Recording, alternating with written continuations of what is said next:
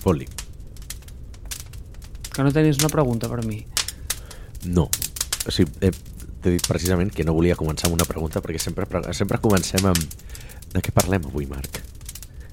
I dic, home, que deia molt cliché, no? No, perquè avui ho sabem. De què parlem avui? Del mobile. Val. Bueno, jo és que he proposat tres o quatre temes i era com, per quin vols començar primer? Pues sí, amics i amigues, la setmana que ve és el Mobile World Congress eh, i el Four Years From Now per la gent que està més en el sector startups i no tant corporatiu. La diferència és que en el Mobile World Congress eh, es paguen uns preus exorbitants i la gent va amb traje i corbata i els paguen les empreses i eh, és una conferència que porta molts de milions de- d'inversió a Barcelona i també, curiosament, pugen els preus dels hotels eh, un 1.000% i segurament el, el, tot el que és el consum de cocaïna de la, de la ciutat també eh, incrementa molt perquè pràcticament eh, sembla que aquesta gent vinguin aquí més de festa que no pas a les, a les coses que es fan al mobile, perquè no sé si has estat tu al mobile o no, Marc, però el mobile és exposició pura i dura i diguem, segurament tots els deals es fan a, al backstage. Vull dir, no crec que el, els mindundis que estan presentant al mobile tinguin cap tipus de força o de poder de negociació o de signar contractes. Sí, he estat al mobile, també he estat al Four Years From Now com a expositor i com a visitant fins que vaig decidir que a mi les fires no m'agraden i he deixat d'anar-hi. Però és per la teva personalitat o per les fires en si. A veure, és que jo penso que el tema de les fires a dia d'avui és el que tu dius. És una excusa per anar de putes. No he volgut dir-ho perquè dic començarem molt forts, però ja que ho dius tu, també. També és una cosa que s'ha de, de comentar. Vale, S'ha de comentar, vale? s'ha de comentar, perquè si, si vivies als anys 60 hi havia molt aquest concepte, jo això ho vaig aprendre al meu avi, eh, perquè a mi em deia, no, és que, és que l'avi eh, se'n anava a la fira de Frankfurt a veure i, i, i, venia d'allà superinspirat perquè veia les coses que s'estaven fent a altres països, tal, i dius, ja, ja, ja, ja. Però això a dia d'avui es diu internet. Vull dir, no, no cal anar a Frankfurt per veure que, eh, no ho sé, els nous motors de tractors. No cal, no cal. Hi ha, hi ha un blog per això que ho explica, saps? I, i, i hi ha molt bon contingut al món per estar informat del, del que passa en el món a dia d'avui sense sortir de casa. I creieu-me, jo sóc molt fan de sortir de casa, però no per anar a Frankfurt a una fira. Llavors, o sigui, el concepte aquest de tancar una nau firal, posar cadiretes d'Ikea, emmoquetar paviment fals i veure cartró ploma per tot arreu, està bé, però em sembla com, com molt arcaic a dia d'avui el tema d'una fira. Penso que eh, et funciona millor per el que tu dius, no? Diu, per pujar el PIB de la ciutat que no per una altra cosa. Però és que, de fet, no sabia ni que era la setmana que ve el mobile, eh? I em sap greu, eh? I Imagina't, eh? Imagina't No, no, quin món imagina't. vius, tio. Imagina't, tio, imagina't, imagina't. Eh, I mira que vaig anar a la primera edició del Mobile com a eh, empresa invitada amb, amb Yomando, perquè la gent va muntar com una espècie de d'espai eh, satèl·lit al Mobile, on posava com companyies de casa, de les que han sortit de la cantera, i vaig anar allà amb, amb Yomando i, i els anys següents ja vaig anar amb el Booth al, al, al, al Forges Sonau perquè em vaig donar compte del que t'has donat del que t'has donat compte tu i del que has comentat, que bàsicament al mobile, vull dir, eh, van xinos amb traje que no fan absolutament res, a part de passejar-se amb Mercedes de color negre i tocar els collons al tràfic de la ciutat. Eh, a part d'això... com- Denúncia ciutadana. Ja hem tornat amb la no, secció. no, no, és la, la veritat, no? Eh, I va ser aquell any que vaig aprendre també que el mobile no s'hi ha d'anar amb moto perquè és absolutament inaccessible, es té que anar amb metro, millor, val? perquè arribaràs abans. I als anys següents ja vaig anar al Four Years From Now, que de fet crec que ho vaig comentar, allà vaig conèixer el millor venedor del món, que era un Sí. índio que venia dildos, val? Sí, sí, sí. Sí, no, no oblidaré eh, i- mai aquesta anècdota. Exacte, llavors això és el millor que m'ha passat al Four Years From Now. I, I poca cosa més, et diré que eh, jo crec que vaig anar l'últim, que va ser anterior a la pandèmia, i a partir de la pandèmia ja, o sigui, a mi ja no se m'ha perdut absolutament res. O sigui, jo ja, si vull veure xinús, me'n vaig a un bon restaurant xinès. No, no intento evitar aquest tipus de llocs, perquè, a més, a més, mira, és que, de veritat, eh? O sigui, és un lloc on... Tio, està presses, eh, xivarri, gent corrent amunt i avall, eh, aquestes cares que recordes com parcialment, però que els hi somrius com dient ei, et conec, però no sé molt bé qui ets, saps? Eh, és com... Tio, és tot molt complicat, vale? en, en, en una fira d'aquestes, però jo penso que hi ha com... O sigui, aquí no hem tocat fons, vale? Crec que hi ha com, com un concepte, vale, tio, que encara és menys desitjable que això, que el propi congrés en si. Quin? Que és el, el concepte de la conferència, vale? Ho sento, vale? O sigui, no puc, val? No puc, Àlex, tio. O sigui, això sí que és denúncia ciutadana absoluta, val? O sigui, no puc. O sigui, crec que és com una espècie de cambra de tortura, però com encoberta dintre del recinte firal, val? O sigui, un espai ja com preparat per, per infringir-nos molt de mal. Val? I és que ja ho veus, vale? aquestes merdes de, tio, tot de cadiretes de, de xiringuito de platja, eh, posades en allà així en, a l'escenari i, i, i foten allà, allà a l'escenari una tauleta d'Ikea amb, una llar, amb una llar de foc i dos aigüetes, no? I foten a dos tios i els foten a parlar, no? Hosti, tio, és duríssim, eh? O sigui, atendre allò, jo penso que anar allà com, com hi ha gent que pren notes i dius, però, però, però què fas? Saps? O sigui, tio, si és, una, és, és, és un contrarrellotge per, per com intentar recitar la màxima quantitat d'obvietats i, i, i anglicismes i clitxers, saps? O sigui, és com... Eh, no ho sé. Eh, I sé que tu en dones, eh, de xerrades, jo t'admiro per això, eh, perquè, perquè, tio, perquè tu ets un tio contracultural, hòstia, i, i, i, i treus la gent de les caselles. Jo he vist els teus startup grinds i, macho, o sigui, els hi, els hi dones canya, però és que la majoria d'aquestes, tio, hòstia, és que... És que és horrible, eh? És horrible. És el, el, el, el teu argument, o sigui, m'ha semblat una miqueta com, com quan sents algú que està dient coses com molt racistes, val? rotllo, contra els sud-americans, per dir alguna cosa, i tu dius, la meva nòvia és argentina, saps? Diu, no, no, però la teva nòvia és bona, saps? Vull dir, és dels bons, saps? Vull dir, ha sonat una miqueta així. Vull dir, rajant a saco del tema dels, uh, del tema dels esdeveniments, però després dient, bueno, no, però els teus estan bé. M'ha sonat una miqueta com, eh, com, com la justificació aquesta de per què jo estic aquí, saps? Si no, vés a saber què hauries dit, cabron. Però estic no, molt d'acord... No, no, no, no, no, no, vale, no, no. És diferent per un motiu. O sigui, l'esdeveniment aquest o sigui, no es fa perquè hi hagi alguna interessant a dir. Vale? Es fa perquè tenim un forat a dintre d'una fira i l'hem d'omplir de, de, de la manera que sigui. El teu concepte d'esdeveniment i, i, i de nou, eh, tio Àlex, és que eh, ets un tio que s'ha guanyat absolutament tota la meva admiració i tota la meva estima. Però el teu concepte d'esdeveniment, a part de que ha de lluitar per portar la gent, no és gent que ja està allà, val? és com el centre de gravetat de, de l'activitat. És a dir, tot gira al voltant d'això. Hi ha contingut interessant. Allà no.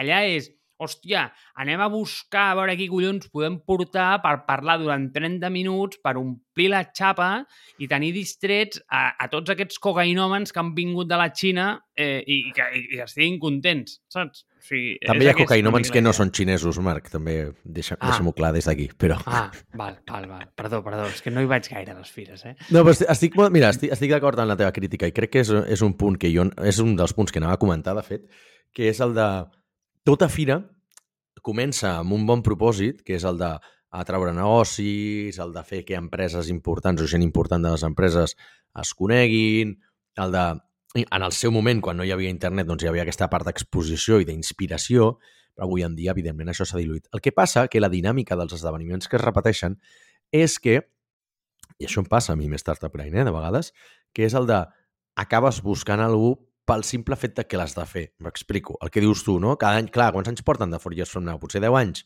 Eh, doncs el repte és l'any vinent ja aquí portem. Però generalment hi ha una desconnexió entre la gent que hauria de parlar i la gent que acaba parlant. Per què? perquè l'agenda dels speakers, o sigui, diguem, tots els ponents que han d'estar allà, es configura com sis mesos abans. Sis mesos abans, avui en dia, en tecnologia, és, eh, és l'equivalent de si avui volguéssim muntar un museu d'actualitat de coses que van passar als anys 90. Val? O sigui, no té cap sentit, perquè si jo hagués de configurar l'agenda del Four Years From Now, que es fa la setmana que ve, d'avui en dia, portaria gent de Microsoft, portaria gent d'OpenAI, portaria gent de Tom, portaria gent de Raycast, portaria gent de totes aquestes iniciatives d'intel·ligència artificial a faria això. Però què passa? Que com que ho vas començar a muntar fa sis mesos, ja t'has hipotecat els llocs dels ponents fa sis mesos i ara semblaria un pagat. Evidentment que segur que hauran portat gent d'intel·ligència artificial, però eh, en el moment que van publicar ja l'agenda de speakers ja estava desactualitzada. Val? Aleshores, què passa? Que és veritat que s'entra molt, i jo ho conec, eh, perquè tinc amics que treballen allà dins, igual que en altres conferències, eh, tipus el Web Summit i similars, o Startup Grind, que al final el que vas a fer és anar a buscar speakers. Tu el que vas a buscar és xapetes i medalles de a veure qui és el, el proper més gran que podem portar, saps? I, i, i s'acaben configurant la, la, les, els quadres de ponents de les conferències en base a he de tenir cinc ponents de primera línia, que el que vol dir és que siguin empresa d'aquest tipus, aquest tipus, aquest sector, i, i que només parlin a grans conferències, després 20 de segona línia i després ja tens els que, els que s'omplen. Són números arbitraris, val? però la idea és aquesta.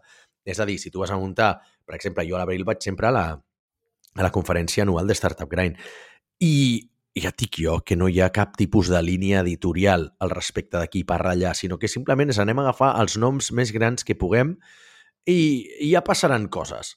Per això que és una conferència genèrica que, que si bé recomano a primers emprenedors que estiguin per allà, no li recomano a ningú que hi hagi d'anar expressament, perquè hi ha gent que em pregunta val la pena la conferència global de Startup Grind anar-hi des de Barcelona? Dic, absolutament no, perquè per aquest tipus de conferència genèrica en la que s'estan omplint forats, doncs ja tens el Four Years From Now, saps? I et diré que el Four Years From Now t'aporta més valor perquè et sortirà més barat i segurament et trobaràs gent més rellevant per tu perquè són del teu ecosistema, no? Això, si no, eh, anar a la conferència Startup Grind de, de, de, de Redwood City, Califòrnia, doncs és una miqueta el que feia el teu avi de, de, d'anar a la Fira de Frankfurt, no? Vas allà per, per inspirar-te, però l'excusa és anar a la conferència per, per passar-t'ho bé i estar una miqueta per la zona i, i bueno, saps veure una cosa diferent, però el contingut en si ja no té sentit. Per què?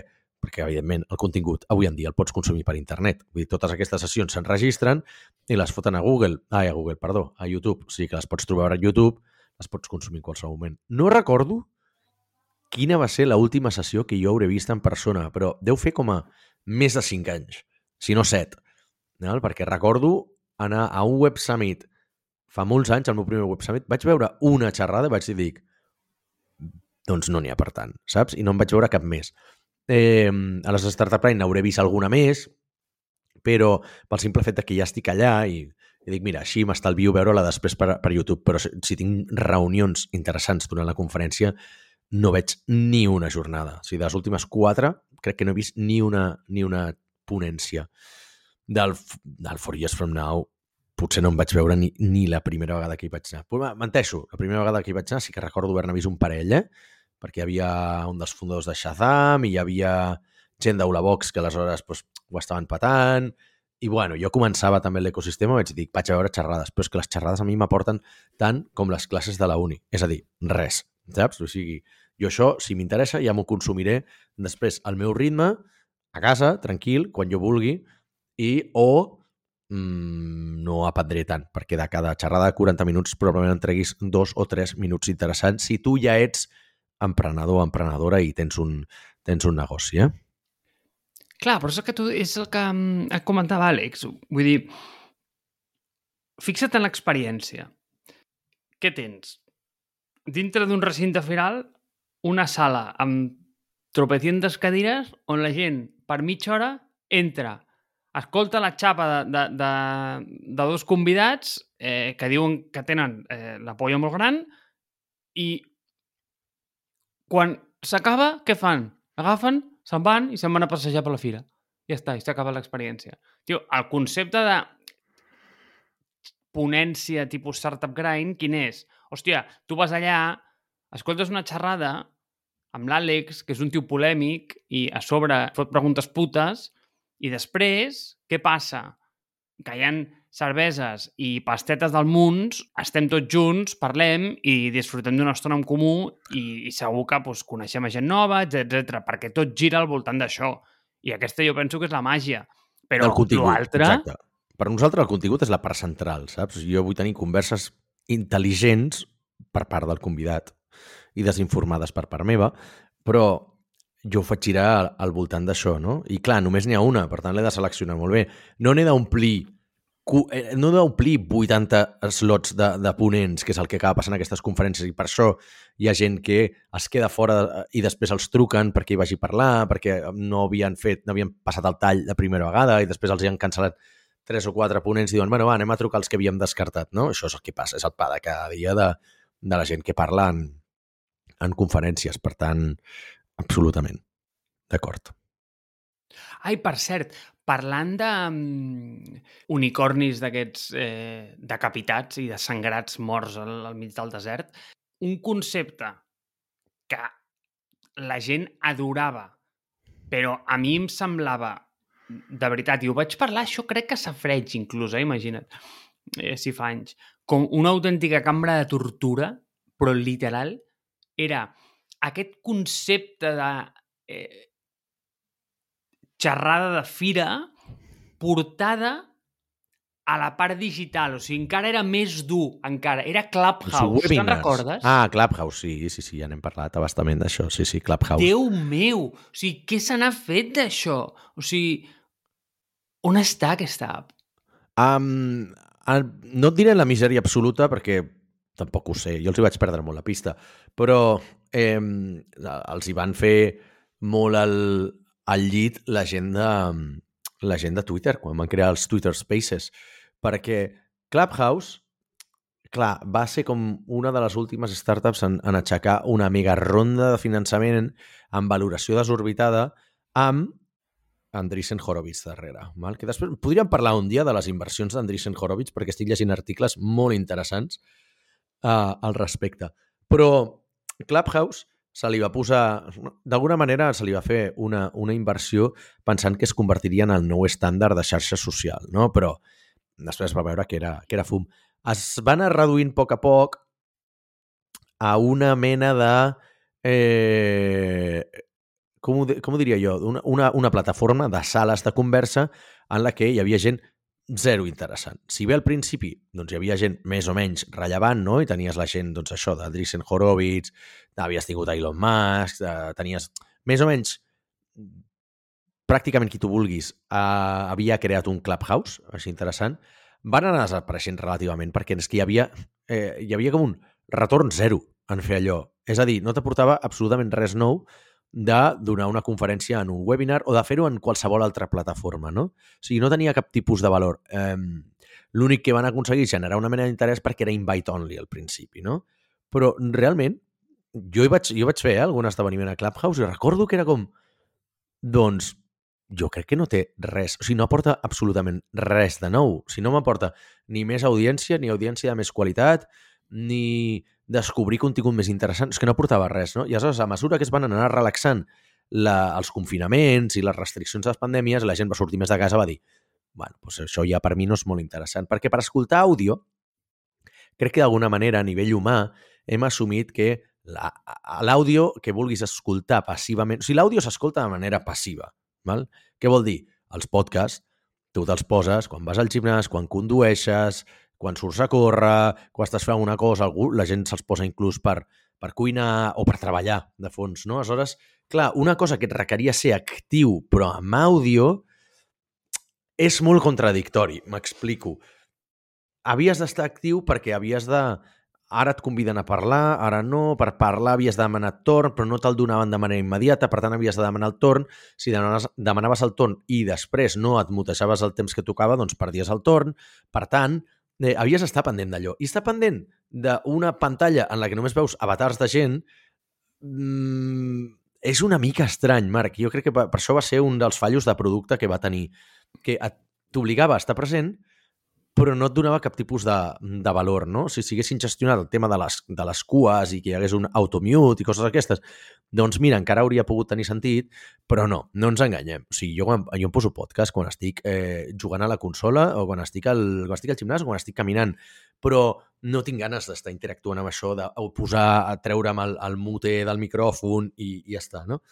I avui en dia, doncs, bueno, avui en dia ja des de fa molt de temps que Clubhouse s'ha quedat, bueno, ha fet fora pràcticament tota la plantilla i s'ha quedat en un espai on, clar, van començar tota la gent dels NFTs, els criptobros i, i aquest, aquest tipus de calanya de gent, que aleshores el que van fer va ser d'avaluar molt el producte. I s'ha quedat una miqueta com una echo camber de, d'això, no? d'aquest tipus de projectes de màrqueting buits, de, de contingut eh, molt, molt pantalla de fum, no? en aquest sentit. I Twitter Spaces, com que ja estàs a Twitter i Twitter sí que et requereix ser actiu, potser sí que entres a una, a una sala on està parlant, doncs jo què sé, saps? Els, fa, els fundadors de Stripe o la gent de Y Combinator o Elon Musk, no? Aleshores, clar, Twitter li ha guanyat la, la partida a Clubhouse, però absolutament d'acord, eh? És, jo, a mi em semblava una bessura de producte i, i, i, i crec que ha estat un dels grans uh, enganys o un, un dels grans fracassos de, del Venture Capital. És que mai me la vaig arribar a baixar, eh? En la vida. Em vaig negar a tenir aquell paio guitarrista, a més sobre l'icono el, el, el detestava. Eh, no Però l'icono anava canviant, eh? Cada setmana era una persona diferent de la comunitat. Això estava bé, era una bona idea. Jo tinc cada una coneguda als Estats Units que va ser la icona de Clubhouse. Bueno, Pot ser, pot ser. Sí, Àlex, cada dia era més lleig, tio. A què venia allò de Clubhouse? Perquè ah, el tipus de contingut que tu trobaves que era pitjor que, que les conferències. O sigui, pensava que et referies més als, als webinars, però tu volies dir Clubhouse com a tipus de contingut. No, no, no, no, no. Eh, em referia a que el concepte de xerrada dintre d'una fira era la versió analògica Val. del que és Clubhouse a la vida real. És a dir, una xapa que ningú ha demanat eh, perquè vull explicar-te com de gran la tinc. Val. Sí, perquè eh, i aquí et dono la raó. La única petita avantatge que et donava Clubhouse respecte als podcasts probablement és que podies potencialment arribar a preguntar-li coses a gent que tu consideres referent i que no hi podries arribar d'una altra manera. Ja està.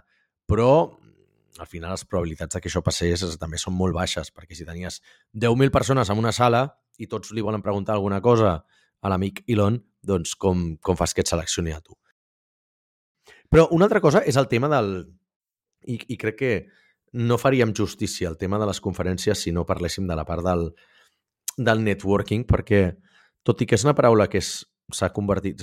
Una, una, una paraula que s'ha embrutat molt amb els anys, no? perquè al principi el networking doncs, sempre sona com a molt interessant i has de fer contactes. I, evidentment, i jo crec, i sóc prova a fer faent d'això, que al final aixecar un negoci també es pot fer a base de tenir contactes, val?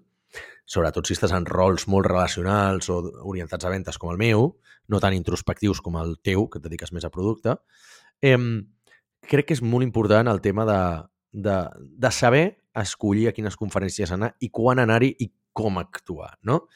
Jo, per exemple, jo ho admeto, o sigui, eh, hi ha moltes conferències a les que no hi vaig perquè jo prefereixo seleccionar, doncs, més o menys una al trimestre i anar-hi, però anar-hi all-in, val? M'explico. Generalment vaig al Four Years From Now perquè està a Barcelona, si no, no hi aniria, també t'ho dic. Vaig a la de Startup Grind, que es fa a Califòrnia, però per què? I em va bé, aprofito, i jo vaig a veure els meus clients de Califòrnia, els meus amics de Califòrnia, etc etc i, i generalment és una bona inversió de temps, i a més jo formo part de Startup Grind, per tant, sí o sí he de ser allà, i després intento anar al Web Summit a Portugal. I et diré per què. De, la, la Startup Grind és, és òbvia, eh? per tant no, no, no entro molt al tema. Començo pel Web Summit. Per mi el Web Summit és una conferència en la que no vaig veure cap tipus de xerrada, però sé que la meitat del món emprenedor i quan dic món em refereixo que hi va gent de tot el món, o sigui, literalment, allà em trobo els meus contactes de, de Xina, d'Austràlia, d'Àfrica, d'Estats Units, van a Web Summit i per mi és una setmana d'estar donant voltes per Web Summit, treballant en remot des del Web Summit i eh, anar veient gent que passa, que conec i quedant amb ells o elles. O, m'ho preparo també abans, O sigui, hi ha una part de serendípia i hi ha una part de preparació en la que jo dic, hòstia, sé que estaràs allà, per què no ens veiem en aquesta conferència? Perquè si no, són gent amb la que igual no et veuries o en veure-t'hi un cop a l'any i fer un cafè i et surten més oportunitats, val? que no pas fent aquella trucada desinteressada per Zoom que saps que tu estàs mirant a l'esport i l'altra persona està mirant Pinterest. Val? Eh, no surt res, però amb aquells 5-10 minuts d'intercanvi en persona eh, acaben sortint coses. I precisament per això vaig al Four Years From Now. No? Com a persona una miqueta cèntrica del, de l'ecosistema emprenedor de Barcelona, és veritat que, un, m'he de deixar veure, dos, jo vull veure altra gent, no? Hi ha gent que no veig en tot l'any, però faig el catch-up allà i em dona uns 10-15 minuts de qualitat que ja em van prou bé. M'explico. No és el que et dic. Agafo el portàtil, me'n vaig allà a les 9 o 10 del matí i m'estic fins a 5 de la tarda i després me'n vaig als esdeveniments de networking si és que no, no n'organitzem algun nosaltres. Per què? Perquè és que he conegut tanta gent allà que no havia conegut en persona mai, però te'ls trobes allà i dius, bueno, ah, aprofitant que, en, que ens han vist, doncs parlem, crec que eh, és un dels casos en el que trobar-se en persona acaba, o jo ho crec fermament, eh? les trobades en persona són molt millors que les reunions en remot. Aquest és l'únic punt que et compro. El de, bueno, mira... És que no te'n vendré més, només és aquest, eh, Marc? És ok que per un moment tens un lloc on aglutines en persona molta gent de la qual no sols veure eh, en, eh, en l'any. Però també t'ho dic, això s'ha magnificat post-pandèmia. Perquè, a veure, xato, abans, si volies veure algú, pues, pues agafaves un autobús i l'anaves a veure, però, però després va resultar com que, com que la gent, bueno, o sigui, semblava que hi hagués tírria per, per, per, per quedar, no? I per, i per veure's en persona. A veure que sí. estava, una, estava una mica justificat, eh? Vull dir, tot seguit. Però... Està justificat, però a mi fins, jo fins al gen... no, fins al gener o febrer d'aquest any, o sigui, és a dir, ara, no he tingut el nivell de trobades en persona que tenia abans de la pandèmia. Eh? O sigui, molt fort que hem trigat 3 anys a recuperar la normalitat, entre cometes. Perdona que t'he tallat. No, jo crec que no m'has tallat. Però saps què passa? És que a mi la pandèmia, Àlex, me la vaig passar una mica pel forro, eh? I, i mira, eh? Jo era un tio supercaut, eh? Vull dir, ja saps, mira, de fet, sí. jo no vaig agafar el Covid fins...